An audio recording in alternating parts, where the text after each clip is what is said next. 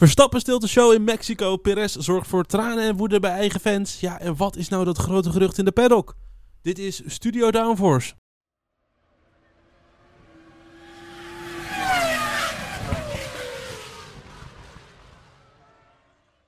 Ja, hallo allemaal en wat leuk dat je luistert naar een nieuwe aflevering van Studio Downforce. Het is de 33ste aflevering waar je naar luistert van het tweede seizoen dat wij deze podcast maken. We gaan vandaag uh, terugblikken en vooruitblikken, net zoals dat wij vorige week hetzelfde deden. We blikken terug op de Grand Prix van Mexico, blikken vooruit op de Grand Prix van Brazilië. Dat doe ik dit alleen, dat doe ik samen met Lies. Goedemorgen, middag en avond, mensen. Goedenacht zou ook kunnen, hè? Ik bedoel, die moet je niet uitsluiten. Oh die mensen. ja, Goeie, goeienacht ook. Heel goed. En met Elias. Buenos dias, Bram en Lies en luisteraars. Yes, yes, yes.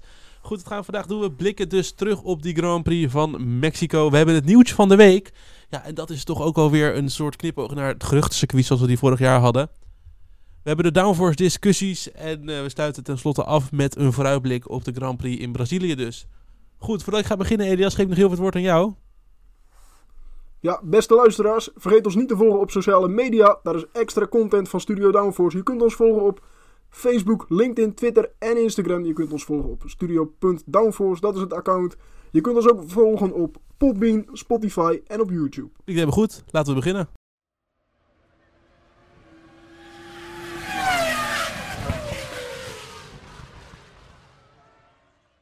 Ja, de Grand Prix van Mexico. Laat ik even beginnen, jongens, wat jullie van de race vonden.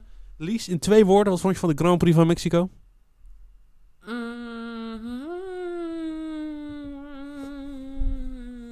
Groot drama. Oké, okay, en Elias? Snelle anticlimax. ja, dan zijn mijn twee woorden Perez oud.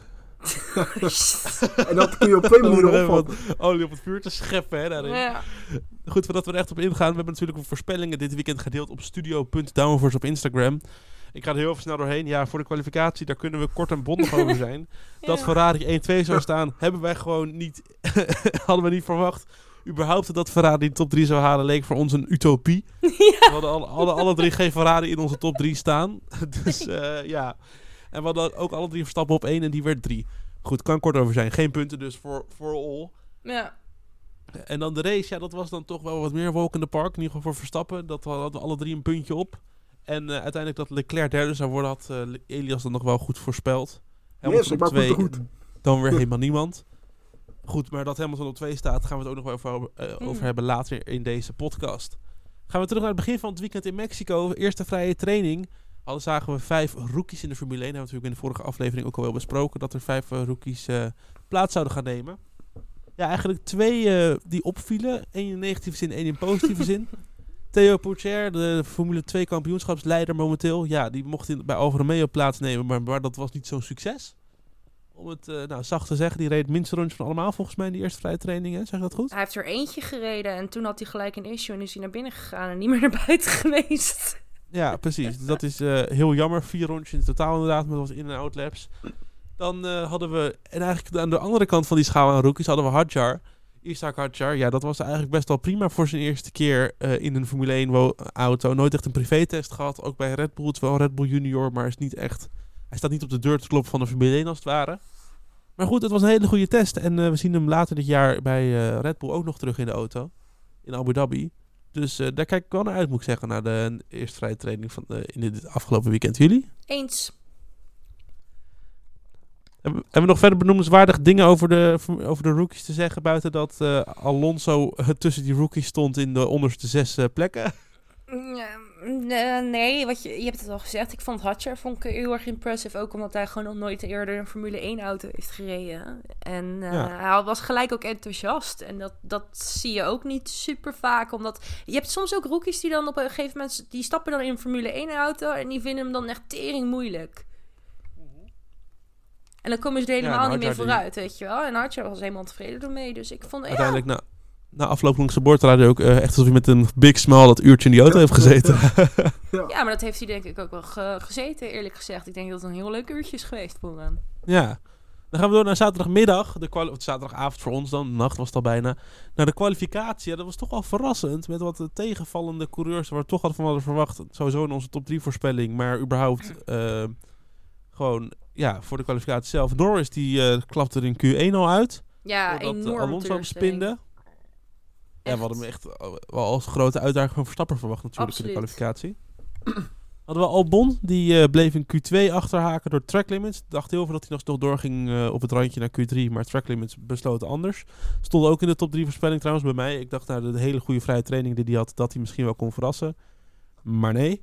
Ja. En, eh, ja, en dan aan de andere kant was eigenlijk Ricciardo die juist heel erg opviel. Via de slipstream van Tsunoda naar Q3. Nou, en ik moet zeggen, toen ik dat zag, dacht ik van... Oh ja, dat is waarschijnlijk een achtste plek, achtste plek. En dat wordt dan zondag misschien een tiende plek. Dat dacht ik echt toen ik dat zag. Maar het werd een vierde plek. ja, maar hij heeft zich ook En echt... versloeg daarmee Perez. Ja, dat Alles dat- pijnlijk. dat is super pijnlijk natuurlijk. Maar hij heeft ook dat laatste eentje heeft hij ook helemaal zelf gedaan. Hè? Want Tsunoda die zat Ja. niet meer in Q3. Ja, Dus geen, ge- hij had toen geen slipto, eh, geen, geen toon meer, niks. Dus het is eerlijk, is eerlijk. eh, hij had hem ook wel nodig hoor. Hij had hem wel even nodig, deze, voor, voor op zijn naam. ja zeker weten. Ja, en een ander team, of in ieder geval een team wat ook heel veel snelheid wist te vinden richting dus Q3, was Ferrari. Eh, Q1, Q2, nou, was het een beetje een anonieme rol aan die kwalificatie. Ging er wat door, maar ja, het was nou niet met eh, Verstappen de achtige dominantie of overtuiging. Q3 in één keer, ja, 1 en 2. Zo. 1 en 2. Eh, uiteindelijk de top 3 binnen een tiende van de seconde. Leclerc pakte pole, Sainz op 0.06, Verstappen 0.09. Ja, dat is eigenlijk wat we waar we naar op zoek zijn in zo'n kwalificatie. Zo spannend.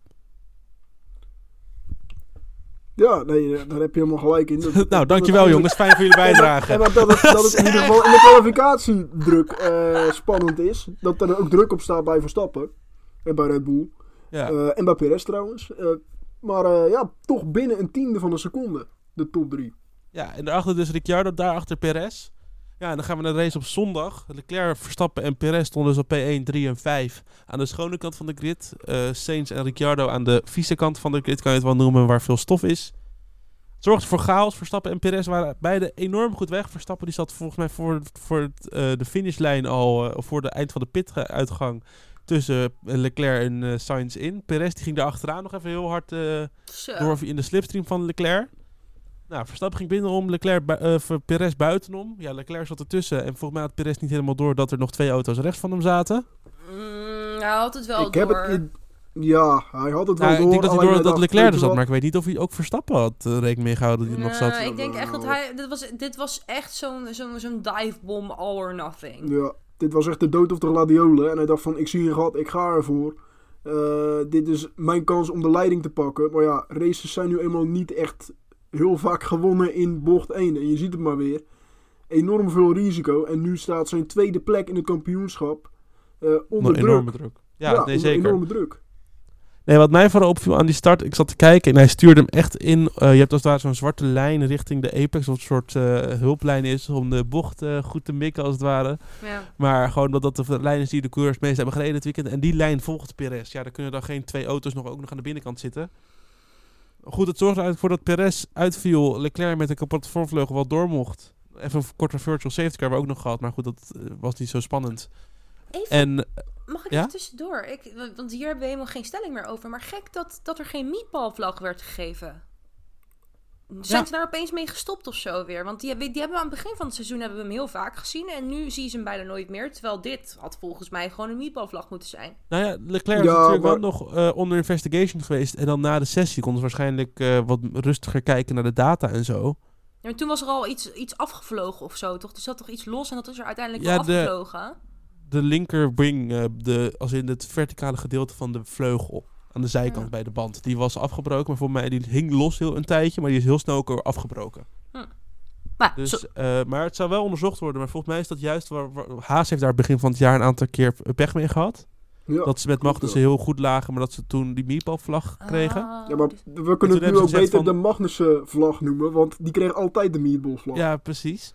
En toen heeft, hebben ze bij, Ha- bij Haas gezegd van ja, maar laat ons gewoon of rijden of uitleg geven over waarom we deze auto door laten rijden. En volgens mij sindsdien doen ze steeds vaker dat dan, of dat ze in ieder geval nu het eerste voorbeeld misschien wel, dat ze dus na de race gaan kijken, was het de veilige omstandigheden, heeft Ferrari gedaan wat ze moesten doen.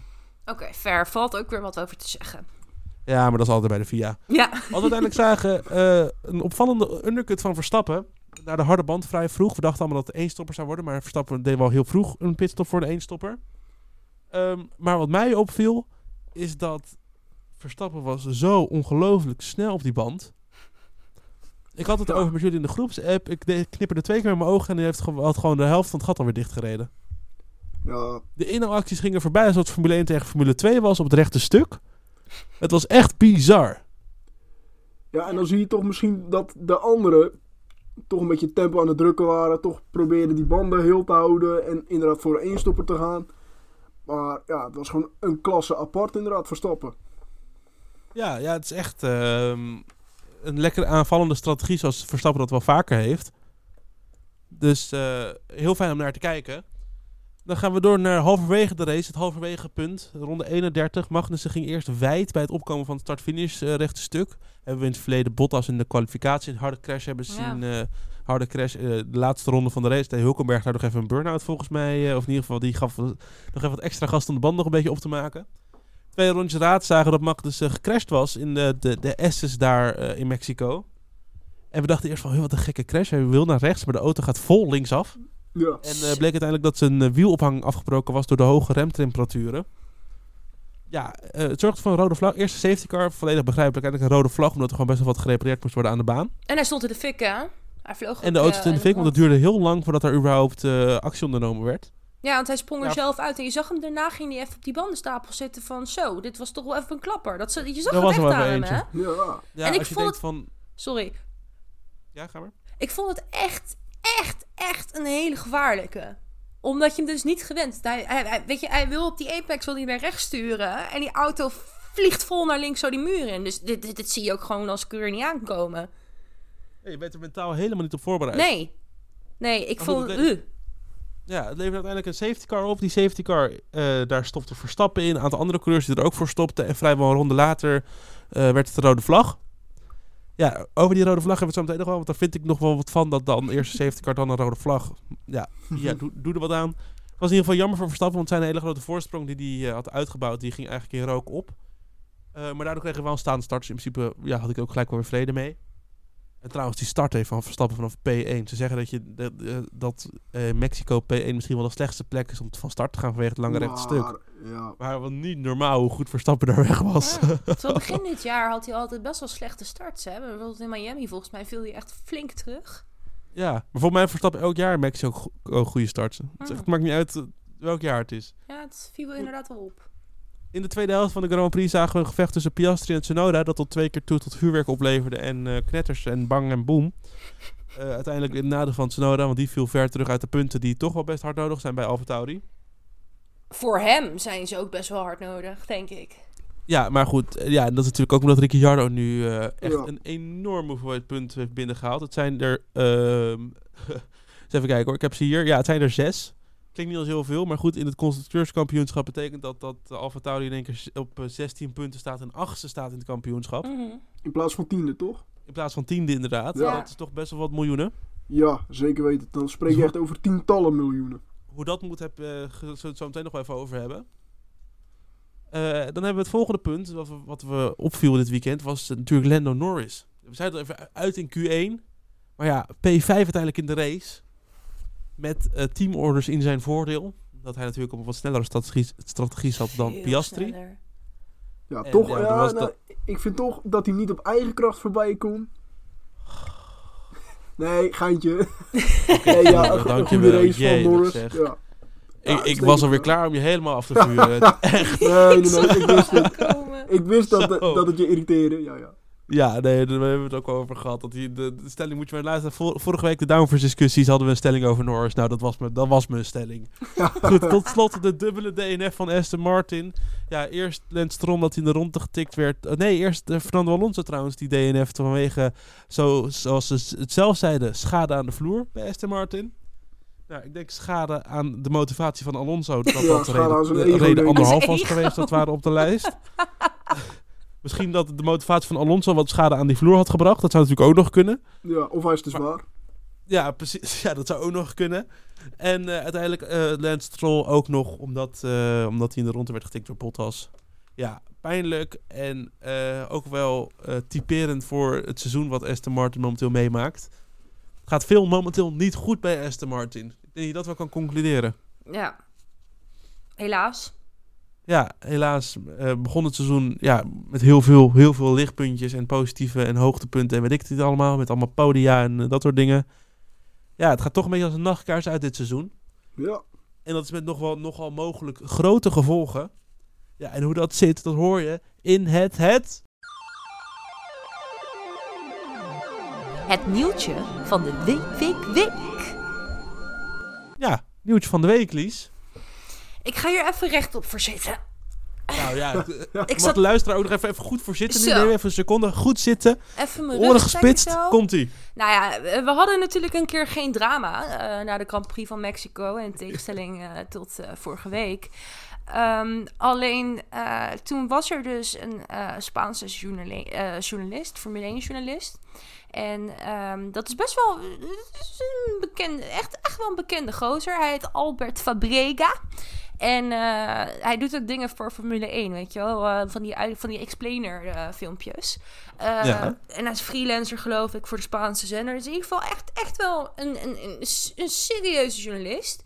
En die ging dus om, om twee uur Nederlandse tijd, ging hij daar zo naar bed. En toen dacht hij, voordat hij, voordat hij naar bed ging, dacht hij, ik ga even, even een tweetje de wereld in, uh, in werken. En nou weet ik dat Elias en Bram heel graag willen dat ik dit in het Spaans ga proberen, maar hell no! Doe, doe, doe, doe, doe, doe, doe, doe, doe, doe, doe, doe, doe, dit, deze, dit, dit geluk hebben jullie vorige week al, of een paar weken eerder al gehad. Nee, nee, nee, nee, nee. Ik breek niet, ik breek niet onder peer pressure. Ik breek echt niet onder peer pressure. Alsjeblieft, alsjeblieft. Nee. Oké, hij zegt dus... Onder peer pressure? Knip je uit de podcast. We knip je uit de podcast. Uh, succes. Dan, dan, ja, dan, dan, klopt je hele podcast niet meer. Dus uh, succes. Ja, dit is het hoogtepunt van de podcast, dit. Dus ik weet niet hoor. Alsjeblieft. Nee, nee. Bram bek houden. We gaan door. Hij zegt dus, voordat hij gaat slapen in het Spaans, doet hij zo'n tweetje. Hij zegt, I don't want to believe the rumor that they have told me now in the paddock. No. En dan nog een punt erachter, hè? Dat vind ik ook wel. Die, die vind ik wel belangrijk. Dan, dan, dan ben je, dat geeft altijd aan dat je echt serieus bent. In ieder geval, die doet die dacht gewoon voordat hij ging slapen, dacht hij: I choose war. Want ja, Sergio Perez valt uit tijdens zijn thuis in een matig seizoen. Dus ja, de eerste link die mensen eigenlijk legden was. Sergio Perez gewoon ter plekke daar ontslagen, weet je wel. Er is gewoon gezegd van, joh, luister, jij, was gezellig, maar jij hoeft niet meer terug te komen. Uh, maar ja, er was dus een hele nacht om daarover te speculeren. Dus er kwamen wel heel veel andere mooie dingetjes voorbij. Uh, wat hoorde ik nou meer? Dat Alonso die zou uh, stoppen. Wat ik gek zou vinden, want dat is dus al na... Ja, dan heb je net een comeback en dan ga je, ga je met een beetje potentieel... Ja, heb je even een beetje pech en dan ga je weer weg. Um, we, hadden, ook uh, dat Aston Martin, die heb ik ook voorbij zien komen, dat Aston Martin in gesprek is om het team eventueel te verkopen. Dat ik weet nog wel één uh, Andretti. Uh, ja, die wel niet geheel onbelangrijk. Dank niet geheel onbelangrijk, maar dankjewel Bram. Ja, uh, die... Dat, dat vind ik een, dat vind ik goed nieuws. Dus dan denk ik, nee, dat, daar kan Albert Fabrika toch niet, toch niet verdrietig over zijn, weet je wel. Geen strol meer in de Formule 1 is toch goed nieuws. Dus die, die oh, geloof ik niet. Uh, en Alonso naar Red Bull. Nou, die vind ik ook wel weer heel erg. Dat vind ik echt een beetje een kortsdroom. Uh, gingen mensen op Twitter uh, los. Maar in ieder geval, die vent die werd dus uh, ja, wakker met. wat was het toen destijds? Nou, 8 miljoen views op die tweet. Weet je, de hele Formule 1 Twitter-wereld staat in brand. En uh, wat doet hij? Hij stuurt er echt nog zo'n lamlullig tweetje achteraan. En dit, dit vind ik echt zo erg je keutel inhouden. Dit vind ik echt zo... Sorry, we gaan hem even... Nee, ik ga het niet zeggen. Um, zo, good morning. Ik ga maar even zeggen over... Uh, ik ga even wat zeggen over het rumor... Uh, over dingen... Nou, ik moet het in het Engels doen. Ik kan niet vertalen on the spot, merk ik al.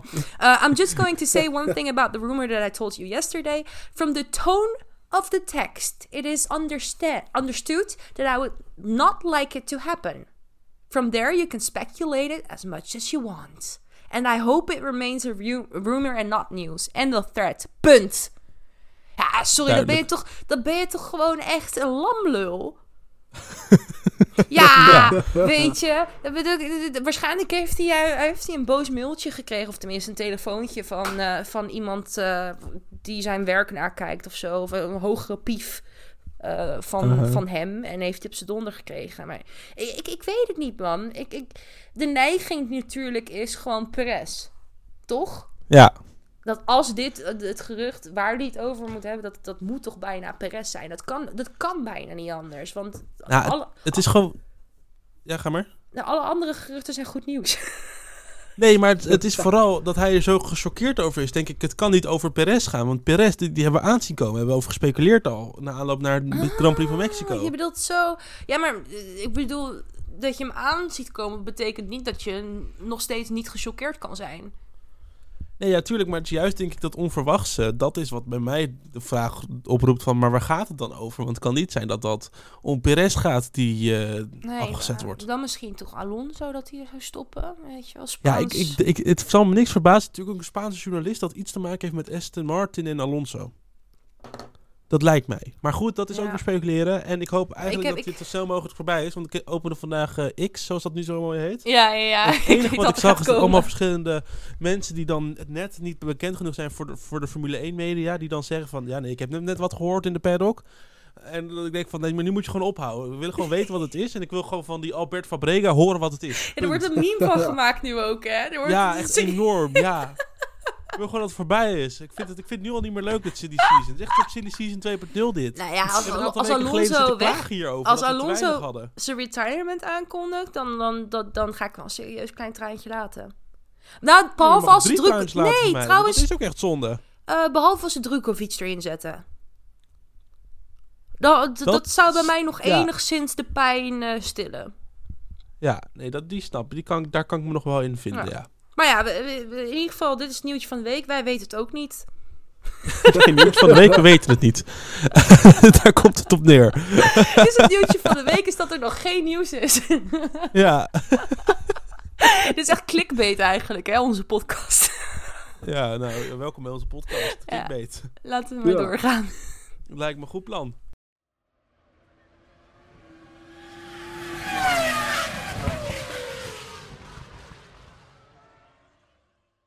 Nou, de downforce discussies in de notendop. We zijn geruchten, nou, die hebben we net al gehad. En nu gaan we het over het nieuws hebben en wat er allemaal speelt nu in de Formule 1. Hebben we een aantal stellingen gegoten en daar gaan we het nu lekker over hebben. Goed, de eerste stelling. Haas wordt niet laatste bij de constructeurs. Eh, oneens. Eens. eh, want Brazilië Oneens. komt eraan. En wat is nou interessant aan Brazilië? Nou, Kevin Magnussen had daar vorig jaar sprintpole. Natuurlijk wel een beetje met wat geluk, want eh, het regende, waardoor niemand een betere tijd neer kon zetten. Maar toch, uitstekende prestatie. En Hulkenberg, Hulkenberg heeft het hier ook altijd goed gedaan. In 2012 kwam hij dicht bij de overwinning. Hij streed toen mee vooraan, maar torpedeerde zichzelf in de Force India. Elias. In dit sprintweekend van vorig jaar in Brazilië heeft, heeft Magnus wel pol gehaald. Maar over het hele weekend heeft Haas toen één punt gehaald. Ja, dat klopt. Nee, maar, nee, maar toch, dat ze, dat ze toch een hoogtepunt beleefden daar. Ja, nee, ja, maar ja, ja. het was, het was gewoon mooi, het het zo was mooi verwoord. nou kijk, Haas wordt waarschijnlijk laatste dit jaar in het kampioenschap. En dat mogen ze, dat is een soort van eh, de laatste plek met een soort gouden kroon of gouden randje eromheen. Want ze hebben waarschijnlijk wel de titel. En dat is onder voorbehoud van de puntentelling van vroeger verrekend naar de puntentelling van nu. Maar ze hebben 12 punten gehaald tot nu toe. En als dit zo blijft op 12 punten, zijn ze het beste, slechtste team ooit in de Formule 1. Nou, Oh, is toch een titel die je kan hebben. ja, die wil je toch als Gunther Steiner zijn en boven je bed hebben hangen, hoor. Ja, toch?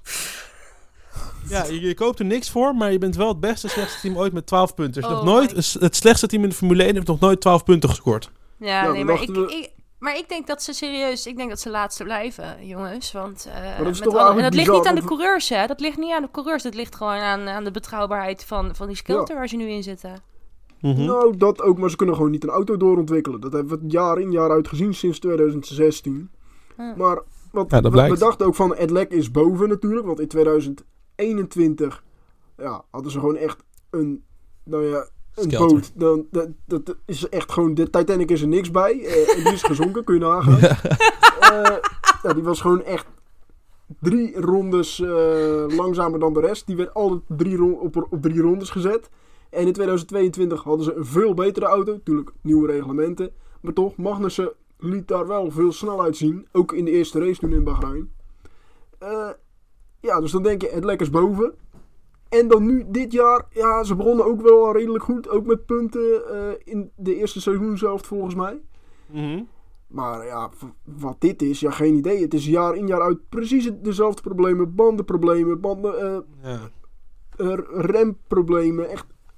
En dan denk ik van ja, als je geen verbetering hebt, wanneer gaan we de veranderingen zien? Want op een gegeven moment ligt het niet meer aan de coureurs. Wat Lies zegt inderdaad, dit ligt niet aan de coureurs.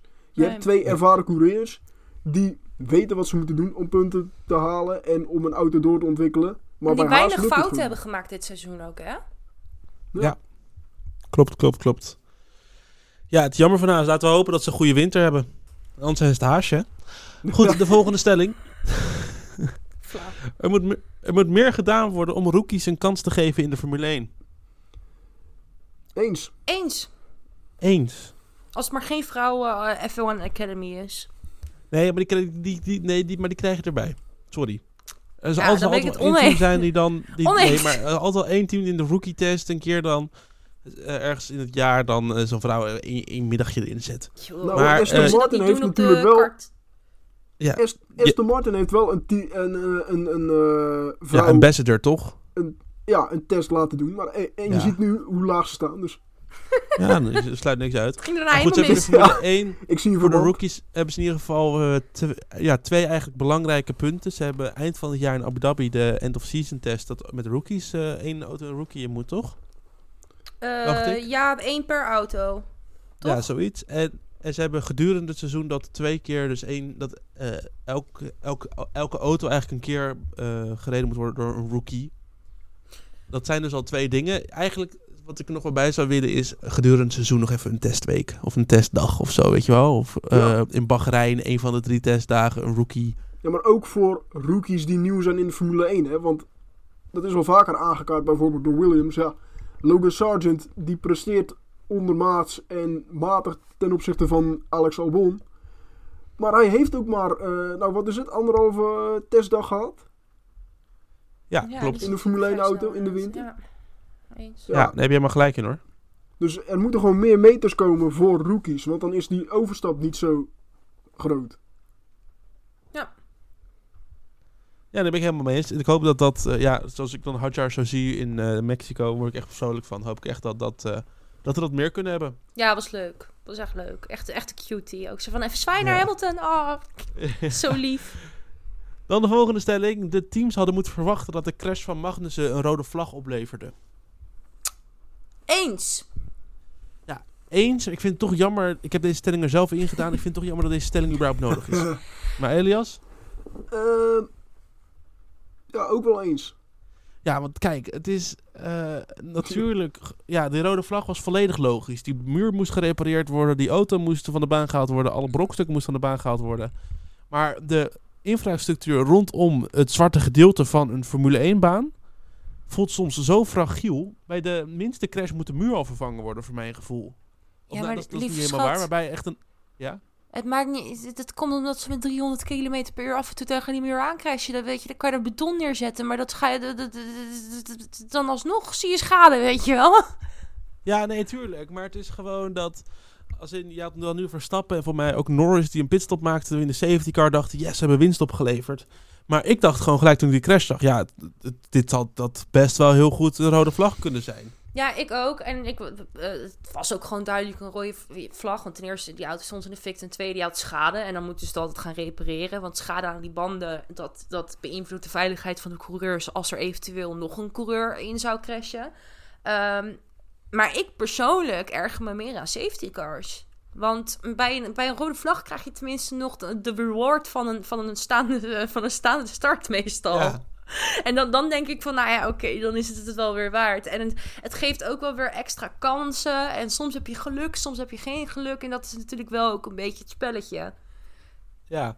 Eigenlijk gewoon willen zien dat de VIA gelijk een rode vlag deed. Ja, ze moeten, ze moeten, je bedoelt meer dat ze misschien iets sneller zouden moeten zijn. Ja, Ja, gewoon met, zijn met die rode vlag. Gewoon Ja, misschien niet de safety car erop stuurt, maar eigenlijk of gewoon de rode vlag gewoon gelijk doet. ja. Ja, nee, ze hadden, ze hadden het al gelijk kunnen zien inderdaad. Ja. Dat had eh, Max eh, ook een pitstop oefening eh gescheeld. Ja. nu, nu vindt hij dat voor mij niet zo erg, die pitstop oefening. Nee, zolang dat- hij maar op één blijft liggen. Dat denk ik ook niet. De vierde stelling dan. De, de Formule 1-fan moet geen voetbalfan gaan worden. Ja, echt helemaal mee eens. Maar dat zeggen wij volgens mij al jarenlang. Dit is wel Ja. een eh, ergernis voor ons. Maar wat we afgelopen Mogen, mogen Lies en ik ook nog zeggen wat we ervan vinden, Elias? mogen Lies en ik ook nog wat zeggen wat, wat, we ervan Nou, vinden? volgens Moet mij je gaan, we- betoog gaan nu al beginnen? ongeveer hetzelfde zeggen, maar goed. Nee, ik ben het oneens. Ik, Ja, ja. Ja, Oké. eh, ik ben het er heel erg mee eens, ja. Ik- Toch maar wel. Ik gooi één zin en dan mogen jullie discussiëren. Oh. Eh, ik ben van mening dat, en dat is de reden dat ik het oneens ben, is ik ben van mening dat het al voetbalsupporters zijn. Ja, maar het, het- de, deze stelling komt er natuurlijk eh, vanwege wat we in Mexico in het stadion hebben gezien. Dat een aantal eh, Red Bull fans wat tikken uitdeelden aan iemand in een rood shirtje van Ferrari. Nou, wat tikken? Nou, tikken. Wow, Wat wow, tikken? Wow, dan heb ik bijna het ziekenhuis ingeslagen. De tering, Ja, nou, ten, d- ten. ja, ja, het was een eh, pittig vechtpartijtje met wat eh, lifetime Formula 1 bands volgens mij die eraan... eh lifetime Formula 1 bands voor wat nep Formule 1 fans. Nee ja, het is gewoon, je moet willen voorkomen en dat is natuurlijk nu wat je wel ziet, is echt polarisatie tussen een aantal fangroepen. We kwamen dit weekend in eh, Mexico binnen met dat Verstappen extra beveiliging nodig had. En hij werd op zijn knieën bedankt op zondagmiddag uiteindelijk. Omdat ze in één keer een nieuwe coureur hadden gevonden om op te haten, namelijk Leclerc. Ja, inderdaad, met dat boeggeroep. Holy shit, is- man. Echt, de, en dan is het, kan ik Formule 1 ze- fan zeggen, maar ik zeg even voor nu, omdat het dit weekend gebeurde. De Mexicaanse Formule 1 fans zijn nog wisselvalliger dan een vrouw in de overgang. Dit is toch gewoon bizar. Joel dan ook Verstappen uit. Ja, nee, maar Niet dat alleen maar Leclerc, omdat, omdat jouw favoriete coureur te vroeg Ja, doe dan ook gewoon de rest van eh, de andere Ja, 19 als je het doet, doe het goed. ja. Maar nee, weet je, dat is wel Weet je, op maar papier was, heeft iedere, iedere coureur daar Perez verslagen op, op zondag in de race. Omdat Perez in de eerste ronde uitviel. Nou, misschien eh, was het wel naar hunzelf bedoeld, dat boeggeroep. Nou, ik, ik mag hopen dat ze in de spiegel ook boe zeiden aan het eind van de dag. nou ja, eens. Maar goed, ja, wat moet je hier aan doen? Want de Nederlandse Formule 1-fan, ja, die is dan, was in ieder geval in de periode dat het tussen Hamilton en Verstappen zo eh heated werd, ook eh, zo, nou niet als in dat ze zo mensen ziekenhuis in sloegen, maar wel wat, nou, wat excentrieker in het uiten van hun mening. Goed gezegd. En ook, en ook bij de Britten, weet je, wordt Verstappen geboet en eh, wordt, wordt elke coureur die een beetje goed Engels praat op zijn handen gedragen. Nou, ik heb wel een idee. En tevens ook voor Ja. de voetbalwereld trouwens. Alleen, eh, ik denk dat daar Oh. financieel gezien heel veel gezeik aan vast, aan vast zit. Maar ik zou beginnen met kijken wat er gebeurt als je geen alcohol meer schenkt. Ja, dat heb je helemaal gelijk in. Want ik denk dat dat toch al Ja, wel... daar hebben we geen boelgeroep in Saudi-Arabië. Misschien moeten we gewoon een hele seizoen naar Saudi-Arabië gaan. Ja, zijn we ook van de F1 Daar heb je Academy af, want die mogen er toch niet rijden. Daar heb je gewoon geen fans. Dat is gewoon de oplossing. Ja, we Gewoon- found it. We found it. Hoe, ga je, hoe, hoe stop je met geweld in de Formule 1? Zorg gewoon dat er geen fans naar je circuit komen. Ja, eens. Problem Doe solved. gewoon continu Qatar, Abu Dhabi en dan Net als. Ajax. Nou, ja, misschien zijn er nog andere oorlogslanden die ook een, eh, een Grand Prix willen organiseren. FC Utrecht Zolang er ook maar in de genoeg geld op tafel komt. Goed, ik heb mezelf alweer gecanceld, ik hoor het. Ja. We gaan door naar de laatste st- stelling. De Grand Prix van Mexico laat zien dat er niks mis is met een normaal raceweekend. Eens. 100% mee eens. Ja, je staat, Elise, wat ben jij hiermee met deze stelling? Hmm, ik heb me, ik heb, ik, ik, ik heb me, ik, ja, nee, weet niet. Weet niet. Oké, nou, ik ben, het, ik ben het hiermee eens en oneens. Dus jij weet het ook niet. ik weet ook niet zo goed. Nee, ik ben het eigenlijk mee oneens. Want eh, als ik heel eerlijk ben, heb ik op vrijdag niet zoveel naar de vrije training zitten kijken.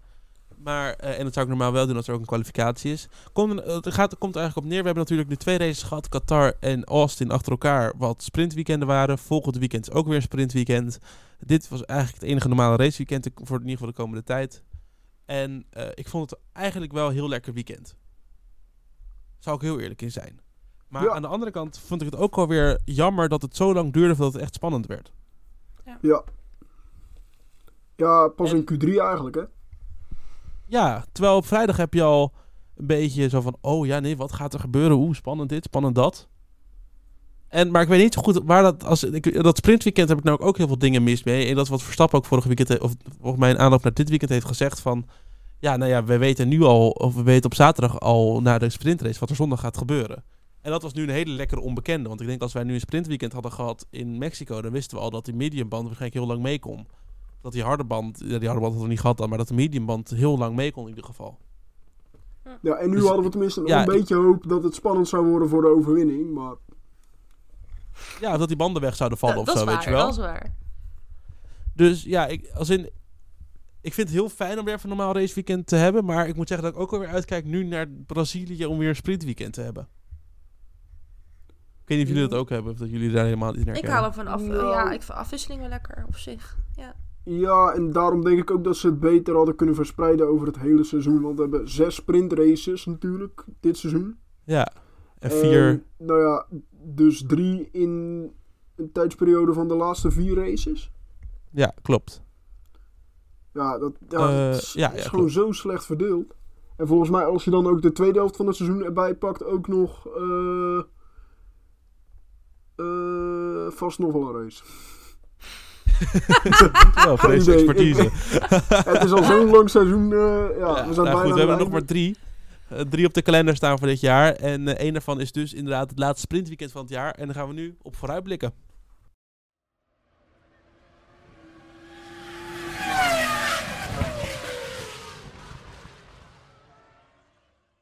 En dat is de Grand Prix van Brazilië.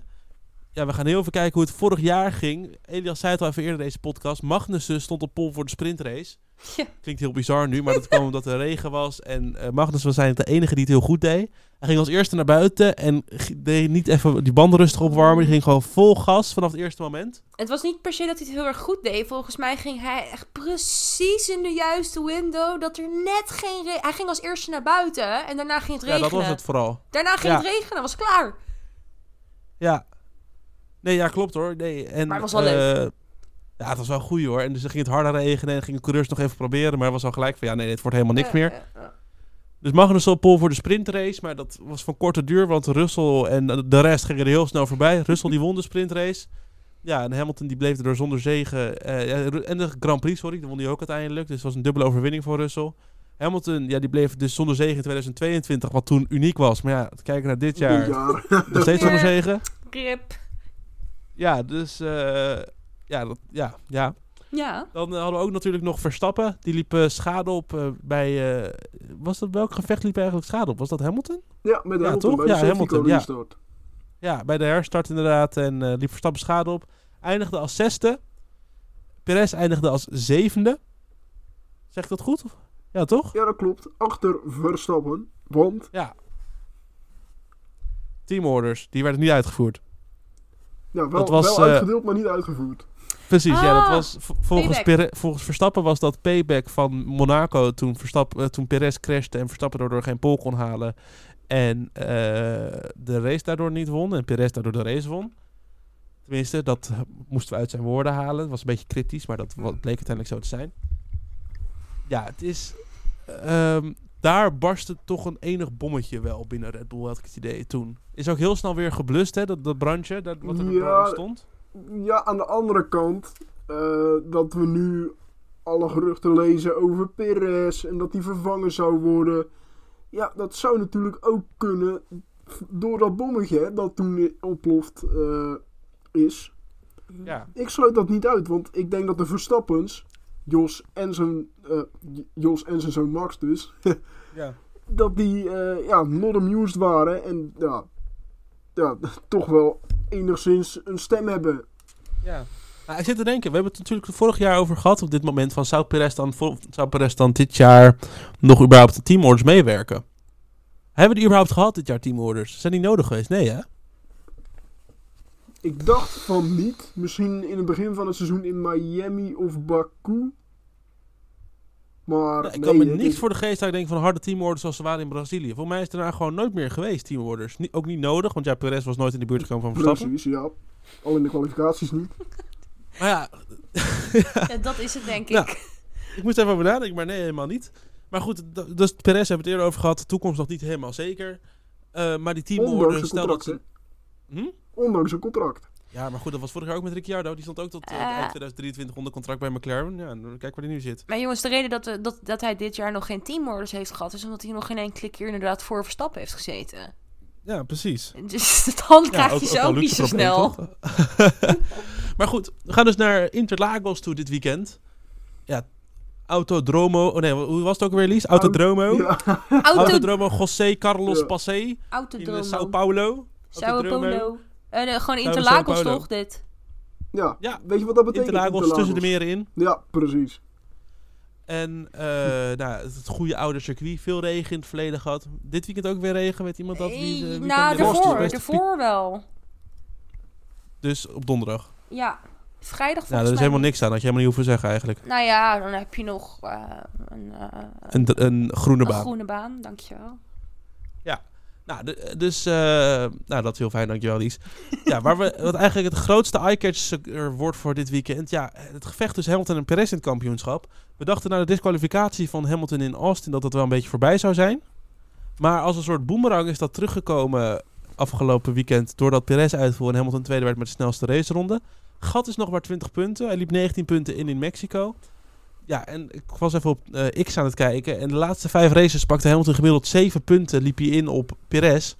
Als hij die lijn doorzet, zou betekenen dat hij in Abu Dhabi met één punt verschil Perez gaat verslaan. Zou heerlijk zijn. Zou heerlijk zijn. Ja, dus eh, daar moeten we maar op hopen. Dan krijgen we binnenkort weer de quote van Verstappen die zegt van... Ja, nee, ik ga Perez echt niet helpen in het kampioenschap, hoor. dus, eh, maar goed, dat dus. Eh, voordat ik ga afsluiten, Elias, ik zie namelijk al dat we echt heel, heel, heel krap in de tijd zitten. Geef ik jou nog heel even het woord. Ja, want Bram gaat zo meteen naar FC Utrecht kijken hoe FC Utrecht weer verliest. Eh, je moest even die burn maken, hè? Als toch aan het eind was even gooien. ja, ja, ja, ja. 5-2. Ja, ik ben even tijd aan het rekken, want dan mist hij de aftrap. Dat is over... Nee, Kwartier. Ja, dat wordt een hele lange podcast dan. Beste- Zo. beste luisteraars. Vergeet ons niet te volgen op sociale media als je dat nog niet gedaan hebt. We hebben Facebook, LinkedIn, Twitter en Instagram. Daar kun je ons volgen op studio.downforce. Je kunt ook onze afleveringen vinden op Popbean, Spotify en op YouTube. En zo is dat dit weekend dus de Grand Prix van Brazilië. De Formule 1 Rolex Grande Premio de Sao Paulo 2023. Goed, hoe ziet het tijdschema eruit? Gaan we heel eh, snel doorheen. 3 november, dat is de vrijdag dus. De eerste vrije training. Half 4, half 5. En dan eh, ook op 3 november vrijdag de kwalificatie. Om 7 uur gaat hij van start. Dan de zaterdag 4 november. De sprintkwalificatie begint om 3 uur. En de sprintrace om half 8. En de race op 5 november om 6 uur. Volgende week zijn we weer terug. Dan blikken we dus terug op dit sprintweekend. En dan hebben we ook eventjes weer een weekje rust daarna qua races. En eh, daarna gaan we naar Las Vegas. Nou, geniet van het raceweekend en ons hoor je volgende week weer. Tot dan!